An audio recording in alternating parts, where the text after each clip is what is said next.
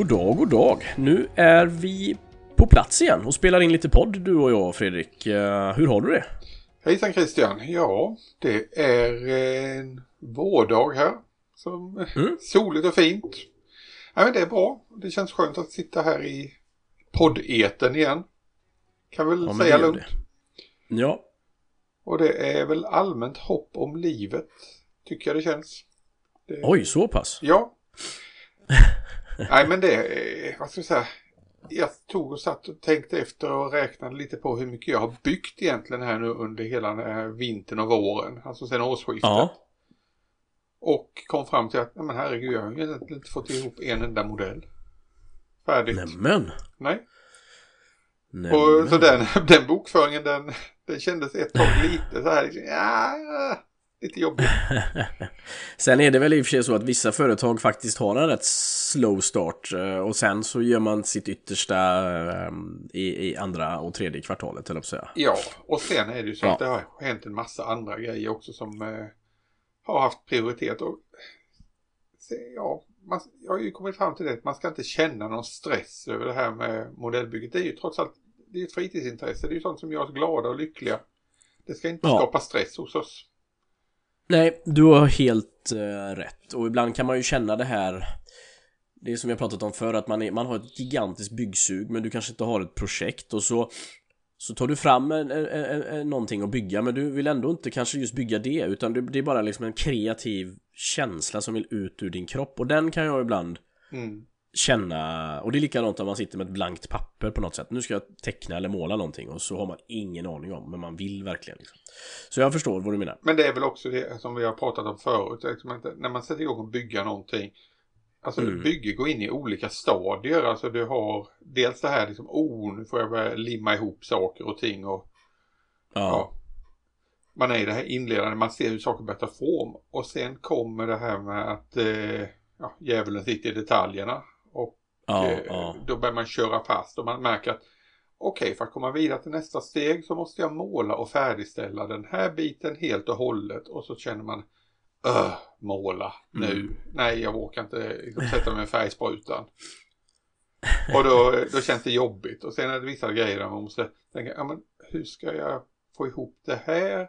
Och bygga ihop det här helt färdigt. Då måste jag maska det på något sätt för att kunna jobba vidare med nästa steg. Och Alltså det mm. går upp och ner det här bygget och ibland är det bara frustration och ibland är det ja. ren glädje. Och saker och ting bara faller på plats. Och det, alltså det vore intressant att göra en, en analys av ett bygge, liksom en kurva över liksom, när känns det roligt och när känns det inte roligt. Ja, det är faktiskt sant. Tänker du att man borde göra den baserat på de olika stegen i bygget? Ja, var i bygget du befinner dig och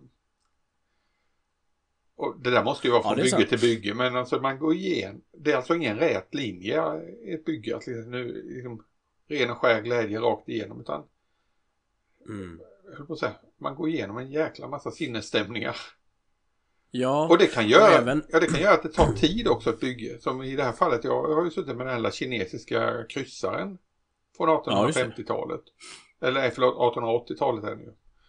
Och eh, den har verkligen varit en sån här sak som att det har gått upp och ner. Ibland har jag bara gått in i bygg, här i byggrummet och tittat på eländet och vänt i dörren. Och sen gått och satt mig framför ja. tvn och tittat på en dokumentär istället. ja. Nej, men det med statistik hade faktiskt varit lite kul. Det har också varit kul att se ungefär när man lägger en, ett, ett objekt åt sidan och, och i aldrig tittar på det igen. Utan man tänker att ja men någon dag ska jag. Du vet när man i princip ger upp fast man, man kanske bygger den någon dag och inte. Ja ja men den, han, han, gör... den hamnar på skämshyllan helt enkelt. Ja precis precis. Det blir en hylldrottning där. Men ja, ja statistik Vi kanske kan be någon av lyssnarna ta fram lite spännande ja. statistik. Nej men en annan intressant sak är också att under ett sånt här bygge hur många andra sidoprojekt sätter man igång med? Och är inne och petar på lite grann jag har ju under det här bygget med den här båten varit inne, jag tror det är tre eller fyra grejer som jag, jag har bara känt helt plötsligt, nej, idag vill jag sätta mig och bara limma någonting. Ja. Ja. Och det är en bara peta ihop någonting eller börja fila på någonting och sen ligger det på hyllan. Så ja, jag höll på att säga det är ju en ond spiral alltihopa men Jo, jo men det är det ju faktiskt. Och det, jag har i med min, ehm, jag ska inte kalla det ADHD, men jag, det är ju själva byggmomentet som jag inte gillar. Jag vill ju inte att någon jävel ska säga till mig i vilken ordning jag ska sätta ihop eh, mitt bygge liksom. Utan jag vill ju hitta min egna väg framåt. Och då tycker jag ju att byggprocessen är jättetråkig. Men sen när vi kommer till färgbiten där och då är, då är det ju då jag verkligen njuter av det. Och likväl så kan man ju bli jättebesviken och tröttna på objektet när man inser att tja, nej det blev inte som jag ville liksom. Så att Nej det finns många möjliga motgångs eh, tillfällen faktiskt, det gör det. nej och den här gamla båten den är ju ja, den är intressant. Jag har lärt mig en hel del men samtidigt är den ett elände för den är väldigt öppen i hela sin konstruktion. Och det Ja, är, där får man verkligen tänka i vilken ordning ska jag ha dit saker, hur eh, kommer det synas och så vidare. Om du tänker ett fartyg från andra världskriget så har du liksom slutna centralenheter. Du har- liksom överbyggnad som är slutna. Mm. Men här är det inte så. Det här är ju som ett gammalt segelfartyg på det sättet. Du har ett öppet däck och lite däcksbyggnader och Ja, du ja, ser ja. alla kanoner och liksom det är inte inga slutna kasematter och grejer utan nej. Men hur stor är den då? Den är väl inte så stor? Nej, alltså båten i sig är ju bara 25 centimeter lång. Ja. Det är ett litet fartyg, en liten kryssare. Men eh, den är liksom fullmatad med prylar. Den har ju livbåtar och sådana där saker i mängder. Ja. Och där lärde jag mig en hel del intressant historiskt faktiskt. För den här båten Okej. kan jag göra i två utföranden. Jag kan göra den som den är eh, när den levererades ungefär. Ja. Och då är vi på, nu ska vi se, 1888 års version. Och sen Mm. har du 1894, då har du kinesisk-japanska kriget och slaget för Yalufloden där det här fartyget deltog. Då har du ett Mhm. annat färgschema. Och eh, då förekommer det inga livbåtar på henne. Och det började jag grunna på, vad fasen har det på det sättet för? Jaha. Och eh, det, det, det blev så här sidospår helt enkelt. Men det är rätt intressant. För det var ingen som fick tilläts lämna skeppet tänker jag, utan det... Nej, det var faktiskt mycket enklare än så. Det här var, Jaha. jag sa ju att det här var väldigt öppna skepp, alltså inga slutna Ja. konstruktioner. Och man kom ganska tidigt på att eh, även om det var här var stålfartyg så var alla li- livbåtar det var trä. Och vad händer om du sätter en granat i en eh, i ett träfartyg? Eller i en träkonstruktion? Ja, du får ju splitter överallt. Ja, ja, ja. ja. Alltså livsfarliga, livsfarligt träsplitter som for över hela däcket där. Och i och med att det var Mhm. öppet så var det livsfarligt för besättningen i strid. Ja, okej. Jag tror till och med gjordes någon undersökning eh, på 1800-talet där man, där man så upptäckte just det här att eh, stora, del- mycket skador skedde just från träsplitter från livbåtar och andra sådana här konstruktioner. Åh, fan. Jaha. Vilket innebär att okej, vi ska i strid, plocka väck alla livbåtar. Ja, det är ju ingen moralboost kanske för de som är ombord. Nej, men, det känns lite som en one way voyage. eh, Verkligen. Verkligen. Nej, men det Nej, det... Nej, men sen, sen är jag ju dum nog att göra den här 1888 års versionen. Där allt är med. Ja, ja, ja. Allt och all PE och allting. Och... Ja. Och det här är ju ändå, det är ju den här gamla modellen, eller gamla, det här fartyget, eh, Chichuen. Nu tar, Mm. nu tar jag väl och massakrerar eh, kinesiskan totalt. Ja. Men det är en fantastiskt fin modell från Bronco 1 på 350. Ja, okej. Av en eh, liten pansrad kryssare. Mm. Och eh, jag bygger den i princip helt från lådan. Det enda jag har lagt till är trädäck på den. Ja. All ets och allting ingår. Helt fantastisk modell. Otroligt bra passform på saker och ting. Eh, verkligen en modell som tycker man om att bygga fartygsmodell i 1 på 350 ska man absolut ge sig på att bygga den. Men, Men gör Bronco mycket maskiner eller? Flyg, flytetyg? eh, de har väl en hel del ubåtar vet jag. Mm. Men de har några, de har ett par, eh, vad är det, fyra, fem stycken av de här gamla kinesiska okej. Från den här Ja, tiden. nu avbröt jag dig. Ja. Du skulle säga men. Ja, Men som sagt, den här modellen, även om jag rekommenderar den så kan jag säga att den är svår. Det är Mm. ingenting för en nybörjare. Det är en fantastisk modell men den är skitsvår. Ja. Nej, det är ju att tänka på helt Mm. klart. Alltså vilken nivå man vill, eh, om man vill utmana sig själv och, och se hur långt man kan komma liksom med det. Eller om Mm. man vill play safe och, ut, och utvecklas och bli vassare. Ja, jag känner ju verkligen att efter det här nästa fartyg jag vill, vill bygga det får vara ett helgrått fartyg. Man kan bygga ihop andra världskriget. Bara bygga ihop, sprutmåla grått. Ja, det låter skönt. Det Ja. låter skönt. Ja, och du då? Du sakta men säkert framåt med byggrummet, förstår jag. Ja, sakta men säkert. Jag har eh, börjat få i alla fall min stash på plats. Eh, det jag inte har kommit till än så länge det är att få upp eh, hyllor ovanför borden och jag har heller inte fått fram alla verktyg och planerat för dem. Jag vill ju ha så clean yta som möjligt så att eh, och jag förstår att det är någon form av utopi. Det- Det kommer ju det blir ju inte helt cleant för då får man ju gömma allting bakom hyllor och, och allting eller så här. Ja, men du vet ju, det är naturlag det här med att alla, alla tomrum, alla vakuum strävar efter att uppfyllas av någonting. Just så, just så. Ja, och det är det jag, det är inte så att jag har varit duktig på detta innan så jag vet inte varför jag försöker inbilla mig att, att, att jag har förändrats på något sätt. Nej, så att i ärlighetens namn så, så kom det ju faktiskt tyvärr ett eh, rutbyte emellan här nu så att det är mest glas i byggrummet nu på, på grund av eh, en, en olycka, inga skadade men en olycka som gjorde att eh, det blev massa glas i hela eh, rummet där. Ja, ja, du, så du, du håller på i ett, ett till ett istället. Väldigt Jag ett. kittar i 1 till 1 eh, med Tamja Putti här. Det är jättedyrt men eh, det blir bra. Ja, ja. Nej, så nu har jag lärt mig att kitta på ett... Det är jättesvårt, verkligen. Mm. Faktiskt. Mm, Konstart. Det är det, det är det helt klart. Men ja, nu gör jag det eh, hellre än bra, eller på att säga, så att det är mer tätt. Men innebär det här att du kommer bli så skadad av detta att du eh, nä, nästa gång du gör ett fönster i 35 så kommer du kitta det? Bara för att?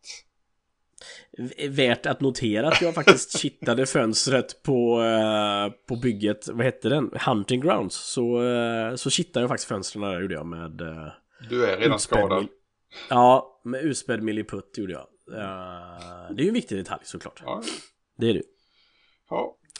Ja, nej annars så som sagt, jag har inte kommit igång med så mycket byggande utan det har ju ehm, Det har ju ackumulerats eh, och lagts på hög det jag vill bygga. Däremot har jag ju fått hem den här stora väggdekalen av en T80 BV i alla fall som jag ska applicera här snart. Aha. Den var ju Det- dryga Det är konsten i rummet då alltså? Det är The Art och den var väl 140 cm bred och 70 cm hög någonting så det är ju ingen jättepjäs men det ska ändå ge en liten sån vibe till rummet så tänkte jag. I svart. Ja. Ja. Och stashen, har du fått in på olika platser i, huset eller? Det har jag faktiskt. Jag hade en god vän här som hjälpte mig att eh, stasha och nu har jag ju inte nu står de inte i någon form av ordning på något sätt. Och då tänker jag så här, jag skulle nog ändå vilja ha dem antingen modellfabrikat eller era eller nationalitet. På något sätt skulle jag nog vilja ha den eh, figurer och båtar och flyg på ett ja du vet sådär men eh, det är baby steps. Det får bli när det blir. Ja, ja, du har fått, du har fått in det i alla fall så det, det är skönt det. det är inne och det är regnskyddat och alla är nöjda så eh, det är bara bara sätta igång snart nej men jag ser verkligen fram emot detta och sätta igång nu behöver jag ju leta efter en stol dock det är ju det som är eh, vi pratat om det sist där så att jag får bara hålla ög- ögonen öppna efter den Ja, du, du får se om, du får väl ta, ta och testa se hur är sådana här gamingstolar? ja Kan det vara, någon, kan det vara någonting? Ja, exakt, exakt. Och så blir jul är ju viktigt i och med att jag kommer ha 3 3,20 eh, meter byggyta just nu. På längden. Så det... Ska du ha vissa punkter där du kan liksom ta spjärn och liksom trycka ifrån så du far, far över rummet som en skottspole där? Ja, det är faktiskt ingen dum idé. Jag kan ha en lina jag kan dra mig fram. Mm. Jag kanske ska ha en sån där man sitter i en hängsel eller någonting. Som en stridsvagnsladdare kanske. Hmm. Ja, ja. Och en eh, travers i taket också då kanske? Precis, ja. Jag får vänta tills jag behöver ha en sån på riktigt när jag behöver gå på toaletten. Jag vet inte, det... Det kommer nog tids nog. Ja. Ja. Ja. Nej, vad gott då. jag kan väl säga det också att eh, när det gäller min stash så har jag ju ökat på den med ett par eh, Flyhawk-modeller. Mm. Det har ju kommit ett par nya Flyhawk eh, fartyg i ett på 700. Ja. Eh, vi har den brittiska HMS Iron Duke 1916. Det var ju Mhm. Jellicos eh, flaggskepp i slaget vid Jylland. Ja. Och sen har den eh, lilla tyska första världskrigskryssaren Emden också kommit i ett på 700. Från Mm. mm. Flyhawk. Emden hon var ju ett sån här rädfartyg som eh, var nere i Indiska oceanen framförallt 1914 och eh, ställde till ett elände när det gällde handelstrafiken. Ja, okej. Ända till hon kom i strid med, jag har för mig det var en australiensisk kryssare eller något sånt där som ja, gjorde slut på henne. Ja, okej. När du säger rädfartyg, är det då att det, det är lite som en kavallerichock eller så? Det går snabbt och det... Eller vad ska man säga, eh, Raider, eh, kapare, Ja, okej. allmänt störig grej. Mhm. Jag gillar namnet också på den brittiska där, Iron Duke. Det är ju för sexigt namn alltså. Mm. Ja, nej men det är, och det här är ju jättefina modeller alltså det, och de ges ju ut i flera olika utgåvor. Dels har du en vanlig Mm. standardutgåva där allting är plast och som jag sagt innan en Flyhawk-modell det är ju en 1-350 modell bara nedskalad 1-700. Alla detaljer finns ändå med. Ja, ja, ja. Så de är ju de är ju helt tokiga de som har gjort dem. Ja. Men sen då finns det ex, eh, utgåvor där man får med ets och eh, svarvade pipor och sådana saker. Och det är ju de utgåvorna som jag spetsade in mig på här. Ja. Vilket innebär att då byter man ut hälften av plasten. Som ändå är jättefin. Vilket är, ja, det är väl, det är väl liksom en enkel, enkel in till den madrasserade cellen och bygga dem där. Men ja, vi ska Ja, testa. det känns så. Men jag tänker att det finns tillfällen man kan springa över eh, vissa P-delar också, tänker jag eller? Ja, på den här så får man, de här modellerna så får man nog verkligen välja. Ja. Är ja. det värt att eh, ge sig på PE i ett på 700 när det gäller riktigt små grejer? Nej. Inte när det är så Nej. bra kvalitet på eh, plasten. Nej, det är just det. Och jag kan jag, har ju sagt det innan och jag säger det igen och nu har vi ju fått genomslag på vissa saker vi har sagt här på tävlingar. Men när folk lägger ner så mycket tid på PE och sen lägger en tråkig tyskgrå eh, färg på. Det känns sånt jäkla waste för mig, för jag älskar verkligen att se det här, det här mässingen och, och liksom blänka så på allting. Så att eh, kan man inte ställa ut en maskin utan att ha målat den? Jag- Ja, jag vet inte, är det bara jag som inbillar mig eller finns det inte eh, så här liksom halvfärdiga modeller? Folk ställer, att det är vanligt att man ställer ut det till exempel på brittiska eh, utställningar och tävlingar. Titta här vad jag, har, vad jag har på gång. Ja, okej. Jo, men det är nog sant. Och det har nog kanske varit någon gång på AIM, tror jag, va?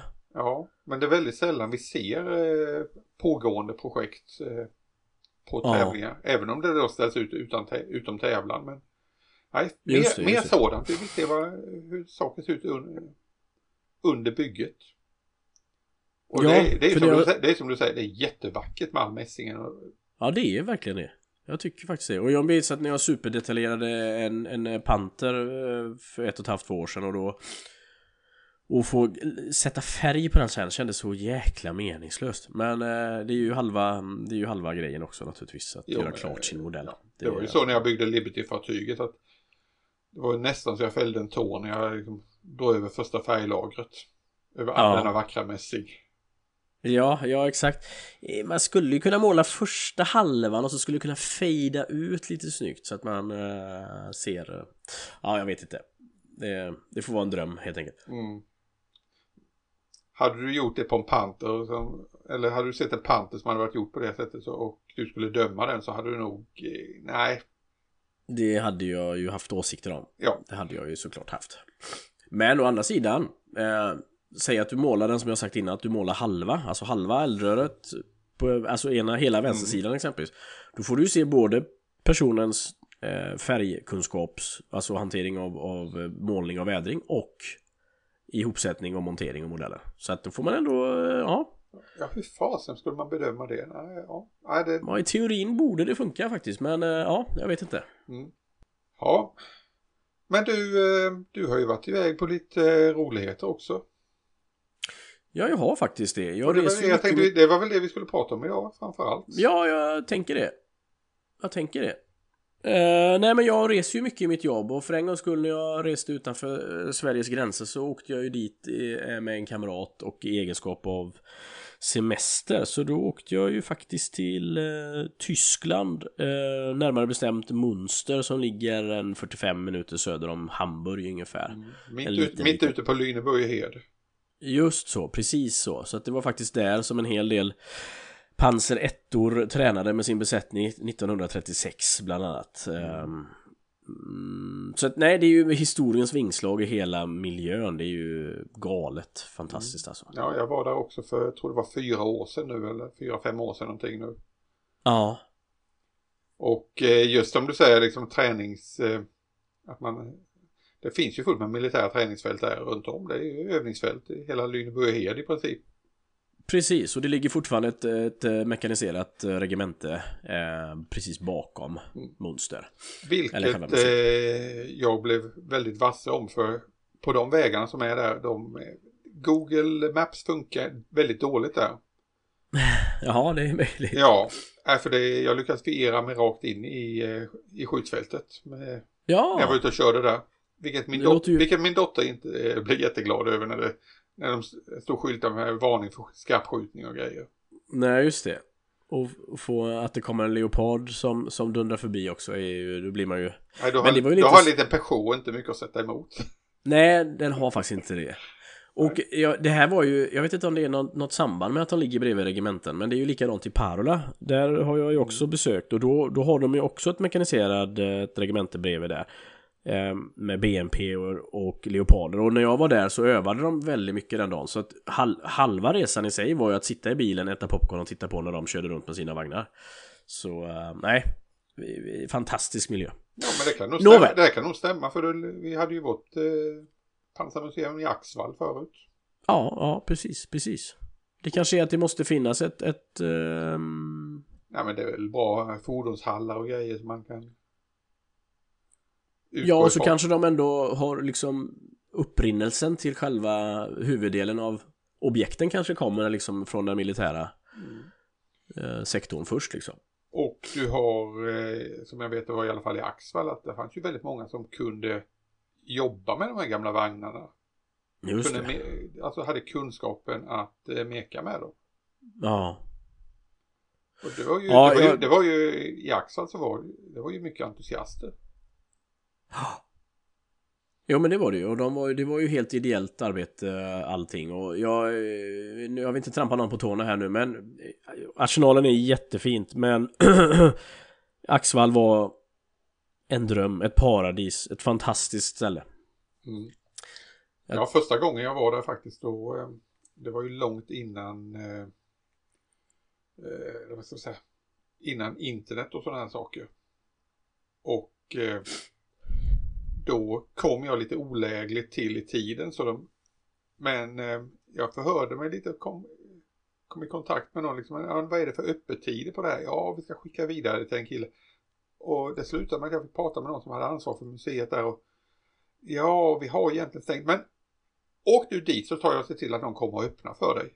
Ja, så fick du hela museet för dig själv. Jag fick hela museet för mig själv. Plus att jag fick en total guidad visning av, av Oj, oj, oj. hade det. Vad nice. Ja. Nej men jag, då, jag minns ju när man var där förr så var, jag var ju där kanske 27 gånger. Men då, då, då var det ju inte så vanligt med jättemycket besök. Så då var man ju hela tiden ensam. Mm. Kändes det som nästan. Det var, nej, det, så att det var många vagnar jag och krypit ner i. Uh, mm. Jag får sona mina synder med för Gud sen. Men, men det är ju viktigt att få klämma och känna lite på dem. Tänker jag. Ja. Men nu tillbaka till ja, Tyskland ja. och Münster. Just så, just så. Nej men jag eh, åkte ju då helt sonika med båt från Trelleborg till Rostock med egen bil. Och den eh, sex timmars båtturen är ju ångestfylld och eh, tragisk till 110%. Så den vill man ju gärna snabbt passera. Eh, Nej men det är sjukt tråkigt att sitta fast på en båt i sex timmar, det är verkligen det. Så det gör jag nog inte om faktiskt. Sist så flög, när jag var i Munster så flög jag till Hamburg och hyrde en bil. Eh, men den här gången så passade vi faktiskt på också för att vi bokade på Airbnb så vi åkte till en liten by som heter Parchim Som var, all, alltså, så börjar man ju googla på de här byarna och alla byar har ju en En historia Och då mm. visade det ju sig att på 40-talet där och eller eh, sent 30 så hade de ju rensat bort alla judiska gravplatser och, de, och det, det, fin, det finns ju alltid så himla mycket information och så och se de här små samhällen där de till stor del nästan all struktur och byggnader är ju från den tiden liksom. Sent 1800-tal och, och mm. tidigt 1900-tal. Eh, så det kan jag ju ändå varmt rekommendera att man faktiskt Airbnb på ett mindre, en mindre ort. Det är ju fantastiskt mm. liksom, verkligen. Ja, och sen så tog vi oss då till Munster. Eh, och det var ju som sagt en och en halv timmes bilfärd där från Parchim då ungefär. Och, och, du som har varit där, du vet ju också att det är ju en liten, liten by. Det, jag tänker att det bor väl ett par tusen invånare. Ja, men det, det är ändå, de har ett litet centrum och man kan få tag på bra döner där och liknande grejer. Ja, ja men precis. Det, och så finns det faktiskt, jag besökte den också två gånger, finns det en liten sjö. De är ju inte duktiga på det i Tyskland och har det här med allemansrätt. Men där har de ju faktiskt en, en liten sjö där det är lite aktivitet. Och sist jag var där var det sommar, så det var ju väldigt, väldigt mysigt och fint där. Så det kan jag också rekommendera. Mm. Men, eh, när jag var där sist så hade de ju en stor eh, vad heter det? Tåg, eh, tågvagn eller som, som där det stod en Leo etta på. Men den ja. var borta borta nu faktiskt av någon anledning. Ja, den, den stod på framsidan va? Ja, exakt, precis. Framsidan vänster om, om entrén. Så att, men istället så stod det ju eh, fyra maskiner utanför på, eh, på inne på gården där då, gjorde det. Som, som det brukar göra. Eh, nej, väl inne. Det kostade 10 euro inträde per person och så eh, blir man ju... Det går ju inte att ta in allting. Det blir ju system overload. Så att man måste ju gå ett varv för att se vad man vill se igen, gå och käka någonting mm. och sen gå ett varv till och det var precis det vi gjorde. Um, och jag är ju ingen stor fan av, av guidade turer men tyvärr var det en guidad tur nämligen när jag skulle börja filma där som på något sätt jag hamnade i synk med dem så att ja så jag gick framför dem hela tiden så det blev lite så här, uh, Nej, det blir inte så bra. Så därför så började jag filma om och jag hade ju med min selfiestick den här gången. Mm. Vem har en selfiestick 2023? Jo, jag. Jag köpte till och med en innan vi åkte. Eh, men det innebar att jag kunde ju faktiskt filma in i öppna vagnar. Jag kunde filma upp över höga vagnar. Okej. Okay. Eh, så du har massor med referensmaterial nu helt enkelt? Massor har jag faktiskt. Nej, jag är jättenöjd med det. Och så iPhone, nu hade jag med mig en, en, en bättre systemkamera med filmmöjligheter Men iPhone är, det är märkligt vad bra man kan filma med den. Faktiskt. Ja alltså det Det enda som är, är bättre med systemkamera det är egentligen objektivet att du Om du sätter på ett annat objektiv. Just det, precis. 12 megapixels kamera som är standard idag det är, det är svårt att, eh, att slå det i sådana här sammanhang Ja, det är det. Så, så nu har jag tillräckligt med material för att faktiskt kunna göra en liten besöksfilm om hur, hur det är på Munster. Så det tänker jag ska lägga ut. Och så highlightade jag vissa maskiner lite baserat på om de är aktiva i Ukraina eller inte. Så de hade ju en Panzerhaubitze 2000 och så hade de ju en T62 och T62 är inte skitvanligt i museivärlden faktiskt att se. Eh, T55 och T72 finns ju hur många som helst men just T62 och vi ska inte tala om T64 för det ser man nästan aldrig. Uh... Men så... eh, vad, var, som sagt du sa att du fokuserade lite på Ukraina och eh, var det moderna vagnar som du gick igång på där eller vad? Nej, nej men de har ju kan man säga en, en, en del som är eh, före kalla kriget kan man säga. Allting som är från från vagnens födelse. De har ju en A7V-replika där. Faktiskt till och med hel interiör har de gjort repliken. Så att det är ju en eh, fantastisk replika. Och den, är, eh, och sen... den, är, den är riktigt trevlig. Det, vi, kan ja, säga, vi kan väl säga det att det, hela utställningen är upplagd kronologiskt. Just så, precis så.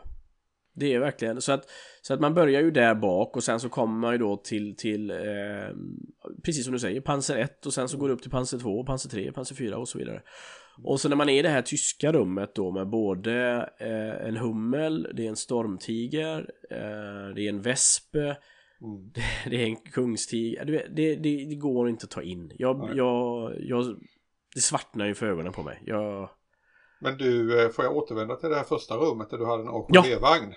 just det. där, där måste du väl ha sett att det stod en, eh, en modell 21. Ja.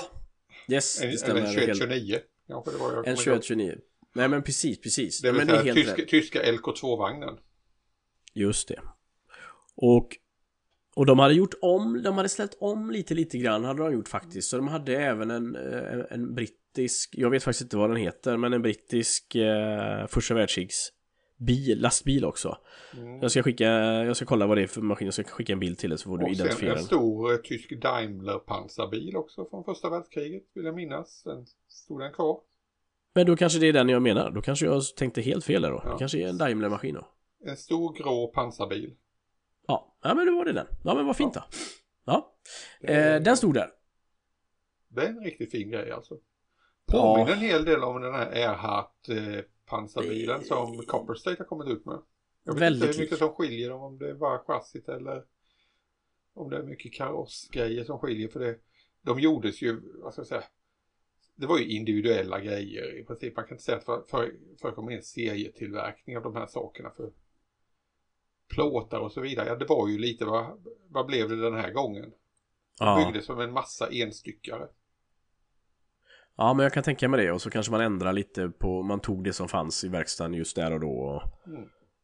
Så, men den var ju så väldigt hög. Jag kände så att det kändes väl onödigt att den var 3,5 meter hög liksom. Men eh, Det är en enorm konstruktion alltså. ja, ja, ja. Jag tänker att den borde kunna välta ganska lätt, men det kanske den inte gör. Men... Och så kan du tänka dig att motorn på en sån där, det var ju alltså kanske en 50 hästars motor eller något sånt där. Det var ju, det är ju små grejer i den. Man Ja. Jag tänker att herregud, den här kan ju normalt sett driva en liten sketen Renault bara. Exakt. Och då och pratar så- vi om, om en personbil. Precis, och den här väger eh, kanske i alla fall 3,5 ton då och en personbil som du beskrev väger 700 kilo. Så att, nej, det är ju vansinnig skillnad, det är det faktiskt.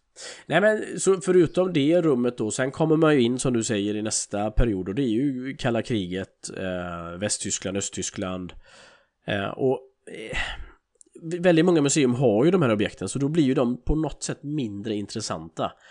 Eh, Det, jag vet inte hur, det är ju inte många som när de ser en T3485 att de känner sig åh det, det, det är kul att gå fram till den och titta på hur, hur, snabbt de svetsade och hur urusla de var på noggrann svetskontroll liksom. Det är ju spännande att se på sådana vagnar. Det här havsarbetet liksom. Ja. Men hur känns det? Det känns som att utställningen är komplett just det, om vi tar kalla kriget som exempel där.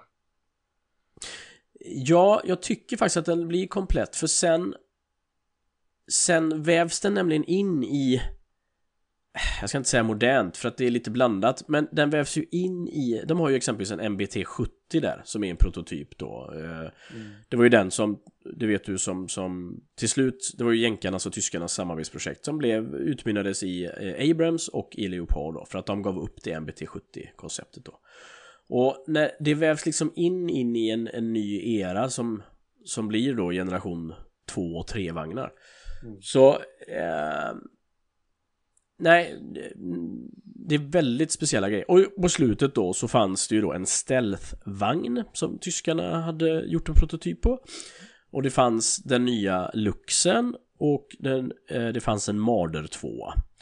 Och då var vi ju som sagt lite noggranna med att kolla vad som hade skickats till eh, vad heter det? Ukraina. Precis, så det var ju eh, Leo 1 A3 bland annat och det var ju också Marder 1 om det var A3 tror jag också. Eh, och, och det är ju ändå ball att se vad de har skickat iväg liksom. Vad är det de ska förväntas kämpa med? För det här är ju ändå 70-talskonstruktioner som har upp, uppgraderats liksom successivt. Som mycket annat. Och det är ju Mm. klart att Leopard är också en 70-talskonstruktion. Det är inget konstigt med det. Uh, nej, så, så det vävs ihop väldigt snyggt. Sen nästa rum, då kommer det ju lite sådana här annorlunda objekt. Då kommer det ju i och med att jänk, eller vad, tyskarna hade ju oerhört många på, på kalla kriget, många mystiska vagnar och kom, objekt och tankar. Men det kommer ju även en Merkava, en MK2 kommer ju där. Mhm. Det är ju också fantastiskt att få se och liksom hur brötigt stor den är. Eh, nu hade de tyvärr inte öppet så att man kunde se in till skyttet, skytte... Eh, delen där bak, det var lite synd men... Nej, du har ju en viss fäbless när det gäller just israeliskt pansar också så... Det har du, jag du helt... måste ha blivit väldigt glad. Ja, men att få se den eh, Merkavan är ju, nej det är amazing faktiskt. Väldigt, väldigt sexigt. Och i och med att det var en tidig vagn också så kunde man ju se, i och med att den var så djupt inspirerad av Centurion eh, chassit så kunde man se att de verkligen hade kopierat stora delar av det. Så det var också mm. väldigt spännande att se närmare på. Nu kommer jag inte ihåg hur det var. Jag, jag vet, jag kom, reagerade på just kalla kriget-delen och eh, tyckte det var trevligt att de hade behållit eh, liksom, att det var verkligen de östtyska vagnarna. Att man inte försökte ta, okej okay, det är en rysk konstruktion, vi tar och målar om den i rysk tappning. Utan Nej, man behöll det, verkligen de östtyska märkningar och allting. Ja. Och eh, beväpning och rubbet. Men hur var det med Merkava-vagnen? Var det det var inte så här extra pansar och grejer för det har ju förekommit massor med sådana saker på de vagnarna väl? Precis, nej den var väldigt avskalad och eh, eh, eh, den var absolut målad i eh, modell 1982s eh, Israelgrön grå. Så att den var ju helt rätt på det sättet. Mm. Och, och det blir ju som du säger lite fascinerande för många av de här andra världskrigsvagnarna tog ju ändå Tyskland över sen när de när de kom in på 50-talet. Så jag menar allting, de hade ju eh, eh, Bishops och de hade ju Fast inte, vad heter den amerikanska versionen av Bishop? Priest? Ja, Priest ja. Hade de ju bland annat och så för att inte tala om M47 och M48 och allt sånt då. Eller så rättare sagt Bishop, det är egentligen på en Valentine-vagn. Nej, det är ju en eh, Det är en Bishop, du, du har helt rätt, precis. Så den är inte ens i närheten av samma. Men en Priest i alla fall. Mm. Uh, helt rätt.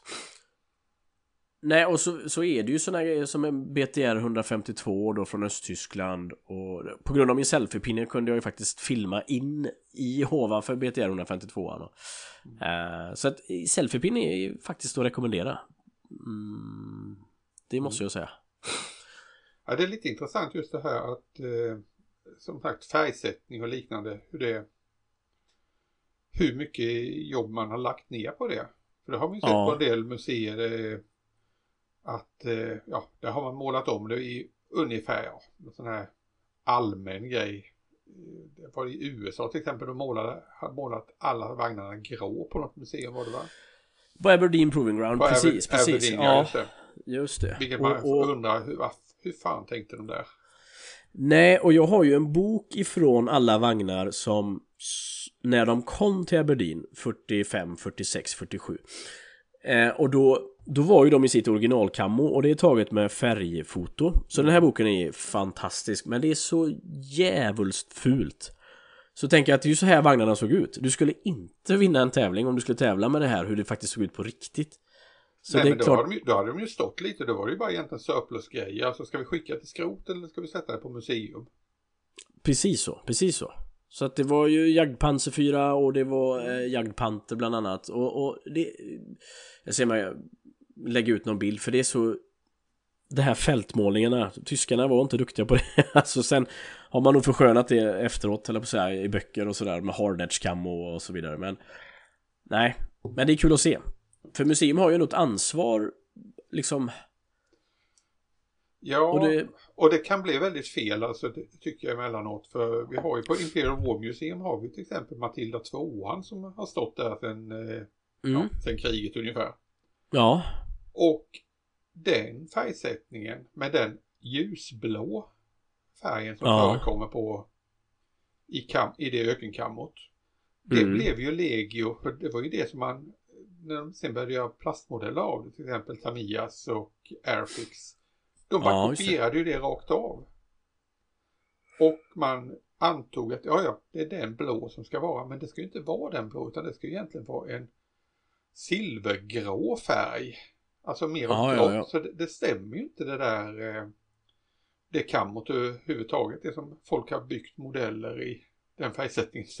I nej, nej, nej. Lite, lite ljusare duvblå sådär. Men är det, då blir det en norm liksom. Det blir en norm. Så museet har ett ansvar där. Alltså det kan ju bli så jäkla fel.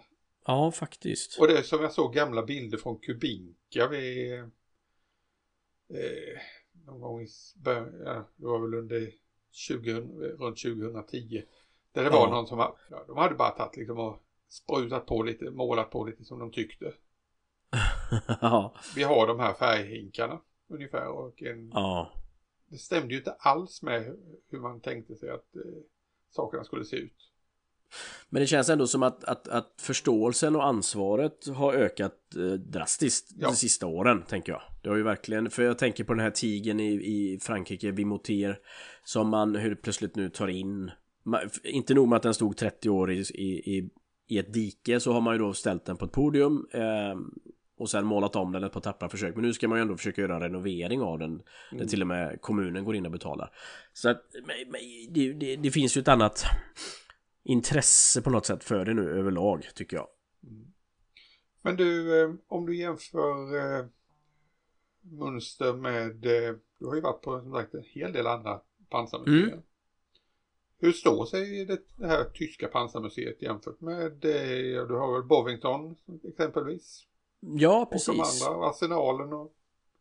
Ja, nu har jag ju haft äran att vara på en sån VIP-dag på Bovington och då kan man ju, precis som när man är på Tankfest så kan man ju få gå in då i deras andra lokaler som inte är för allmänheten allmänt. Det gör ju Bov till ett fantastiskt museum.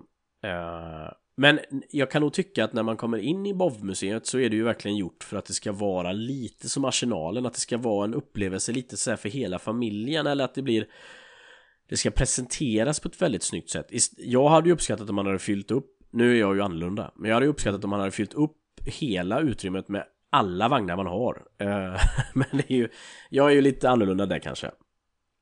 Men jag skulle säga att det som skiljer Mönster från Bov, det är väl eh, alla spännande och konstiga prototyper från kalla kriget. Där är ju där, där, där är ju Mönster väldigt speciellt. Och jämför man med Parola exempelvis så finns det ju, det är ju sådana on, one-off grejer som bara man kan se där liksom. Det är, Mm.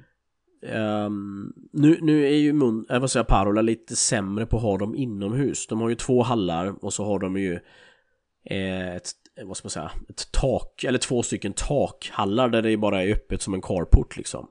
Ja, och det, jag har sett gamla bilder, då stod det väl helt öppet vagnarna där i... Och då stod de helt öppet, så de har väl bara stått där under i 20 år ungefär. Ehm, Mm. och, och där finns ju också fantastiska vagnar, alltså en BT42, det finns ju liksom ingen mer i hela världen, den står bara där. Och ska du bygga en Tamiya BT42 så är det klart, då får man ju åka dit och, och klappa den lite Mm. sådär. Och, nej, det finns, där är ju så jag tänker att alla, de kompletterar väl varandra på något sätt. Så nu, det är ju därför jag gärna vill åka till Saumur här nu i, i Frankrike här också och se vad som skiljer dem åt. Det som jag kan föredra med Bov det är ju att de har ju en italiensk Fiat-vagn där eh, som är i originalfärg och det är lite som vi pratade om där så är ju det med originalfärgsättningen är ju du, du, du får ju nästan aldrig se det. Det är ju Nej. 99 av 100 är ju ommålade liksom och jag tror att man ångrar det väldigt, väldigt mycket idag såklart att man gjorde de här ommålningarna på 50, 60 och 70-talet men men eh, det hade ju varit bättre att låta fanskapet vara bara. Det är ju ett museum liksom. Mm. Nej, men det är väl just det här att vem, vem vill se ett rostigt fanstyg? Eh. Precis, och det vill ju alla utan de Det är bara vi möpar som... Det är bara, ja, det är bara vi möpar och modellbyggare och knäppjökar liksom som vill Men, Men, ja, Samur, det kan bli intressant för där finns ju en del gammalt franskt pansar från första världskriget också har de ju bevarat där. Ja, ja, ja, ja, det ska bli väldigt spännande. Jag har ju inte varit där så det ser jag verkligen fram emot. Mm. Eh, jag tror det ska väl stå en Saint-Chamond-vagn där bland annat.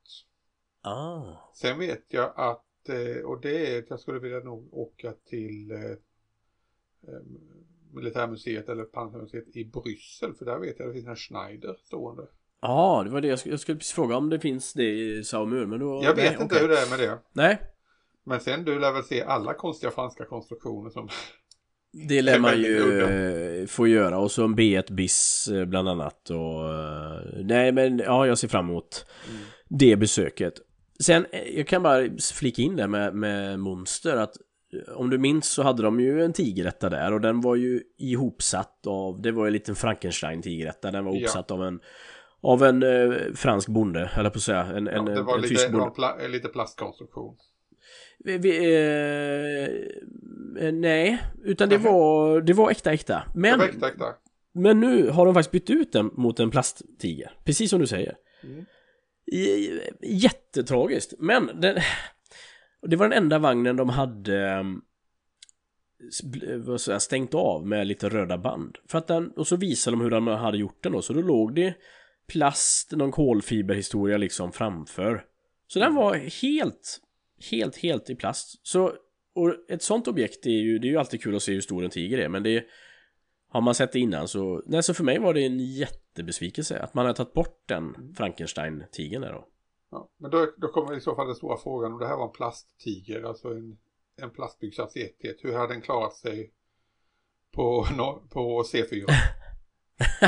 Hur hade, Nej, hade hur, hade, nog- hur, hade, hur hade domaren Christian Ja, den hade nog fått bedömt den? brons, tänker jag minst faktiskt. Det, Brons och ett halvt. Den var, den var snyggt gjord, det var den helt klart. Mm. Det var den. Men, eh, nej, det gjorde mig besviken. Men man kan inte få allt här i livet. Nej, nej. Nej, men å Ja. andra sidan så fick du ju klappa på en sturmtiger väl? Det fick jag göra, det fick jag göra. Och jag minns även eh, när jag fick en ensam stund med 131 i Bovington. Då satt vi länge och, och tittade på varandra, jag och, och Tigerettan där. Och eh, Nej, jag kan rekommendera en sån VIP-dag också. Så att det var ju amazing. Jag fick det faktiskt i, i gåva av min eh, exfru. Så fick jag eh, en sån VIP-dag där. Så att det var att rekommendera. Ja. Ja du, nu har, Ja. vi, prat, nu har vi pratat mycket om museum. Det var inte så mycket modellbygge i det här. Nej, det Förresten, det. eh, avslutning när det gäller Mönster, hur var shoppen? Eh, slim to none. Det var nästan ingenting faktiskt. Det var en, eh, en del eh, litteratur eh, men inget mer. Det var inte som Bovington då, det var en komplett Nej. hobbyaffär. Nej men exakt för den är ju fantastisk i Bov men här, eh, nej det var lite synd. De hade några klassiska Zippo-tändare med någon tiger på och lite sånt här men annars var det ingenting. Så att det var en besvikelse. Men, eh, ja.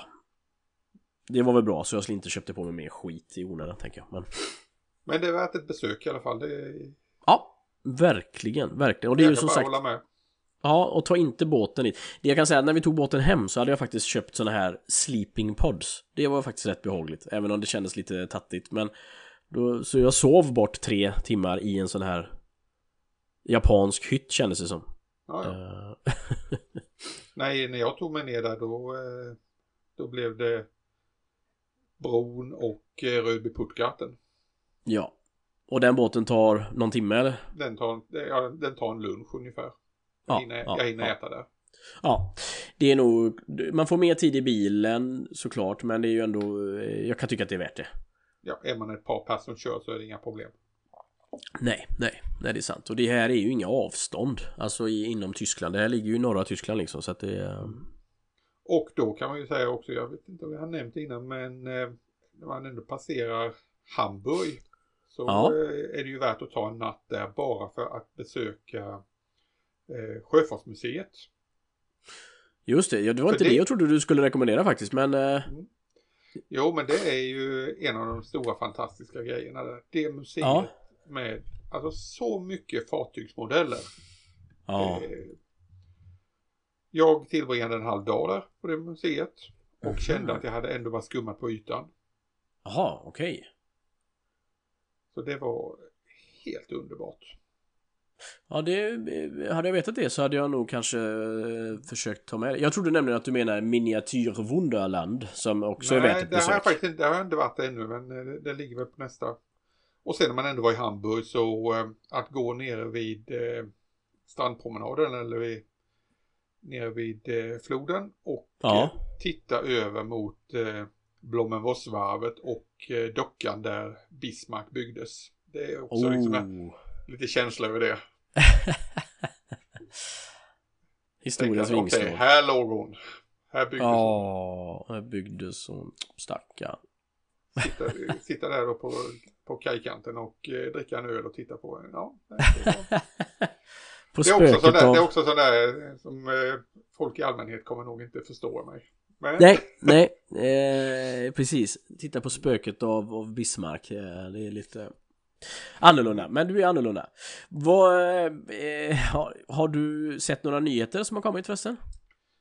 Eh, ja, vad ska man säga nyheter förutom de här Flyhawk-modellerna så eh, Miniart håller ju på med och fortsätter med eh, med lite intressanta så här små detaljer. Ja. Och eh, inredningar har de ju kommit ut med här. Det började ja, ja, ja, med något hemmakontor och nu blev det ju ett vardagsrum och även de här kafégrejerna kommer de ut med nya prylar hela tiden. Det började med ja, civilister och sen kom några brittiska soldater på ett kafébord som drack öl och nu, har, ja. nu ska de släppa ett set med tyskar. Lite blandade eh. tyskar vid ett kafébord. Just det, som sitter på samma sätt ja. Mm. Vad, du vet ju att jag brukar ju håna eller reta dig och Erik ibland för att, att köpa färdiga saker och sådär istället för att scratcha dem. Mm. Men eh, det kan ju finnas en, en mycket fint man kan göra med ett kaféset tänker jag faktiskt. Ja, det är ju framförallt figurerna kan man ju hitta på mycket roligt med. Ja. Det, jag tänker ju nästan på, eh, skulle vilja ha en italiensk eh, italienare som sitter på café också. Det skulle egentligen vara en speciell italienare och den finns ju inte.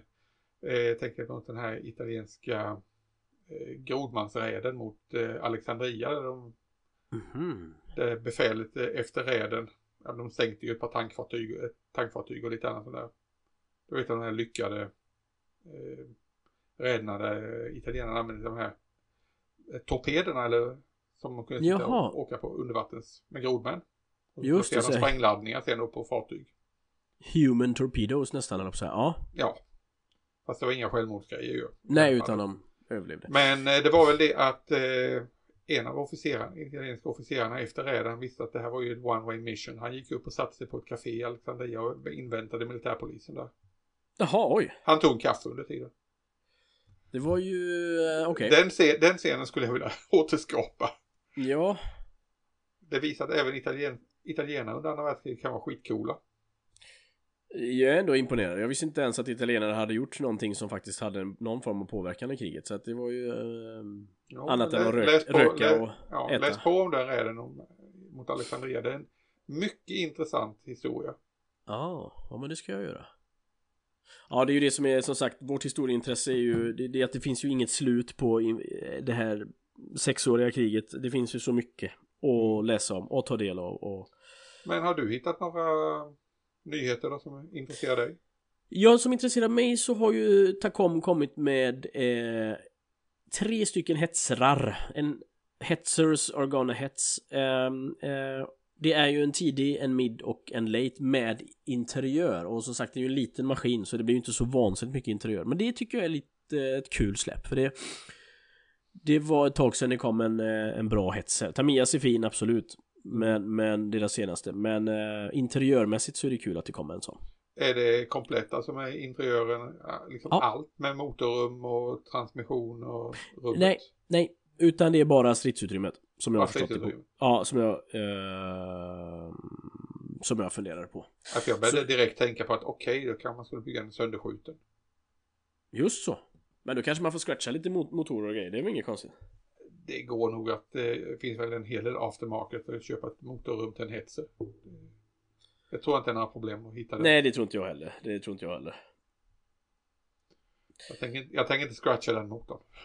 Det är, lite, det är lite mycket jobb. Nej, ja, jag, jag håller med dig, jag håller med dig faktiskt. Nej, annars så har jag faktiskt inte så jättemycket koll på vad som har hänt. Jag går ju fortfarande liksom i, i det här lyckoruset efter Japan. Ja, det förstår jag. Han inte riktigt hämtat, han, han inte riktigt hämtat mig från den granatchocken. Nej, det fanns en del att smälta där tänker jag mig. Och du fick ju med dig en del gott hem också i, i både verktyg och modeller. Japp, och det lär räcka stund. ja, vad skönt. Ja, jag har lite köpförbud här själv faktiskt. Så att jag får också... Um...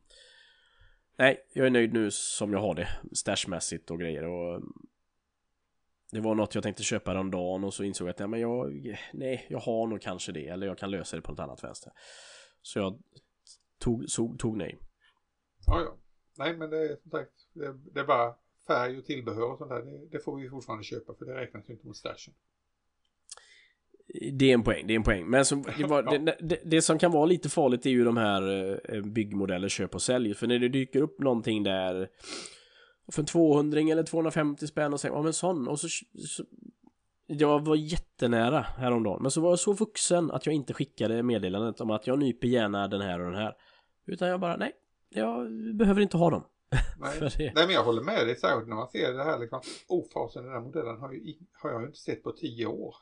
Nej exakt precis Så det, då är det väldigt lockande att, att skicka det där meddelandet som du säger. Ja, ja absolut Mm. Nej du, nu börjar vi eh, närma oss timmen snart igen va? Ska vi eh, gå och göra någonting vettigt här nu? Det tycker jag att vi gör. Jag ska eh, väcka mina sovande ungdomar tänkte jag. Eh, så att vi får väl gå och göra något vettigt helt enkelt. Jag får väl gå ut i trädgården och eh, försöka göra någonting åt rabatterna här nu. ja. Gör Så det. får jag väl ta och eh, bygga lite modeller kanske tidigt i eftermiddag. Oh. Lyx. Ja, jag har inte den lyxen än så länge. Men jag hoppas att den dyker upp här snart här. Men du, har det gott. Det är samma finemang. Tack för pratstunden. Hej, hej, hej. Hej.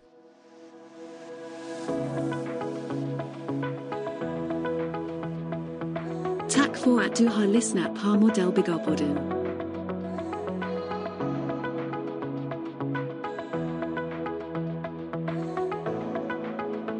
Mod, mod, mod, mod, Modellbyggarpodden. Mod, mod, mod, mod,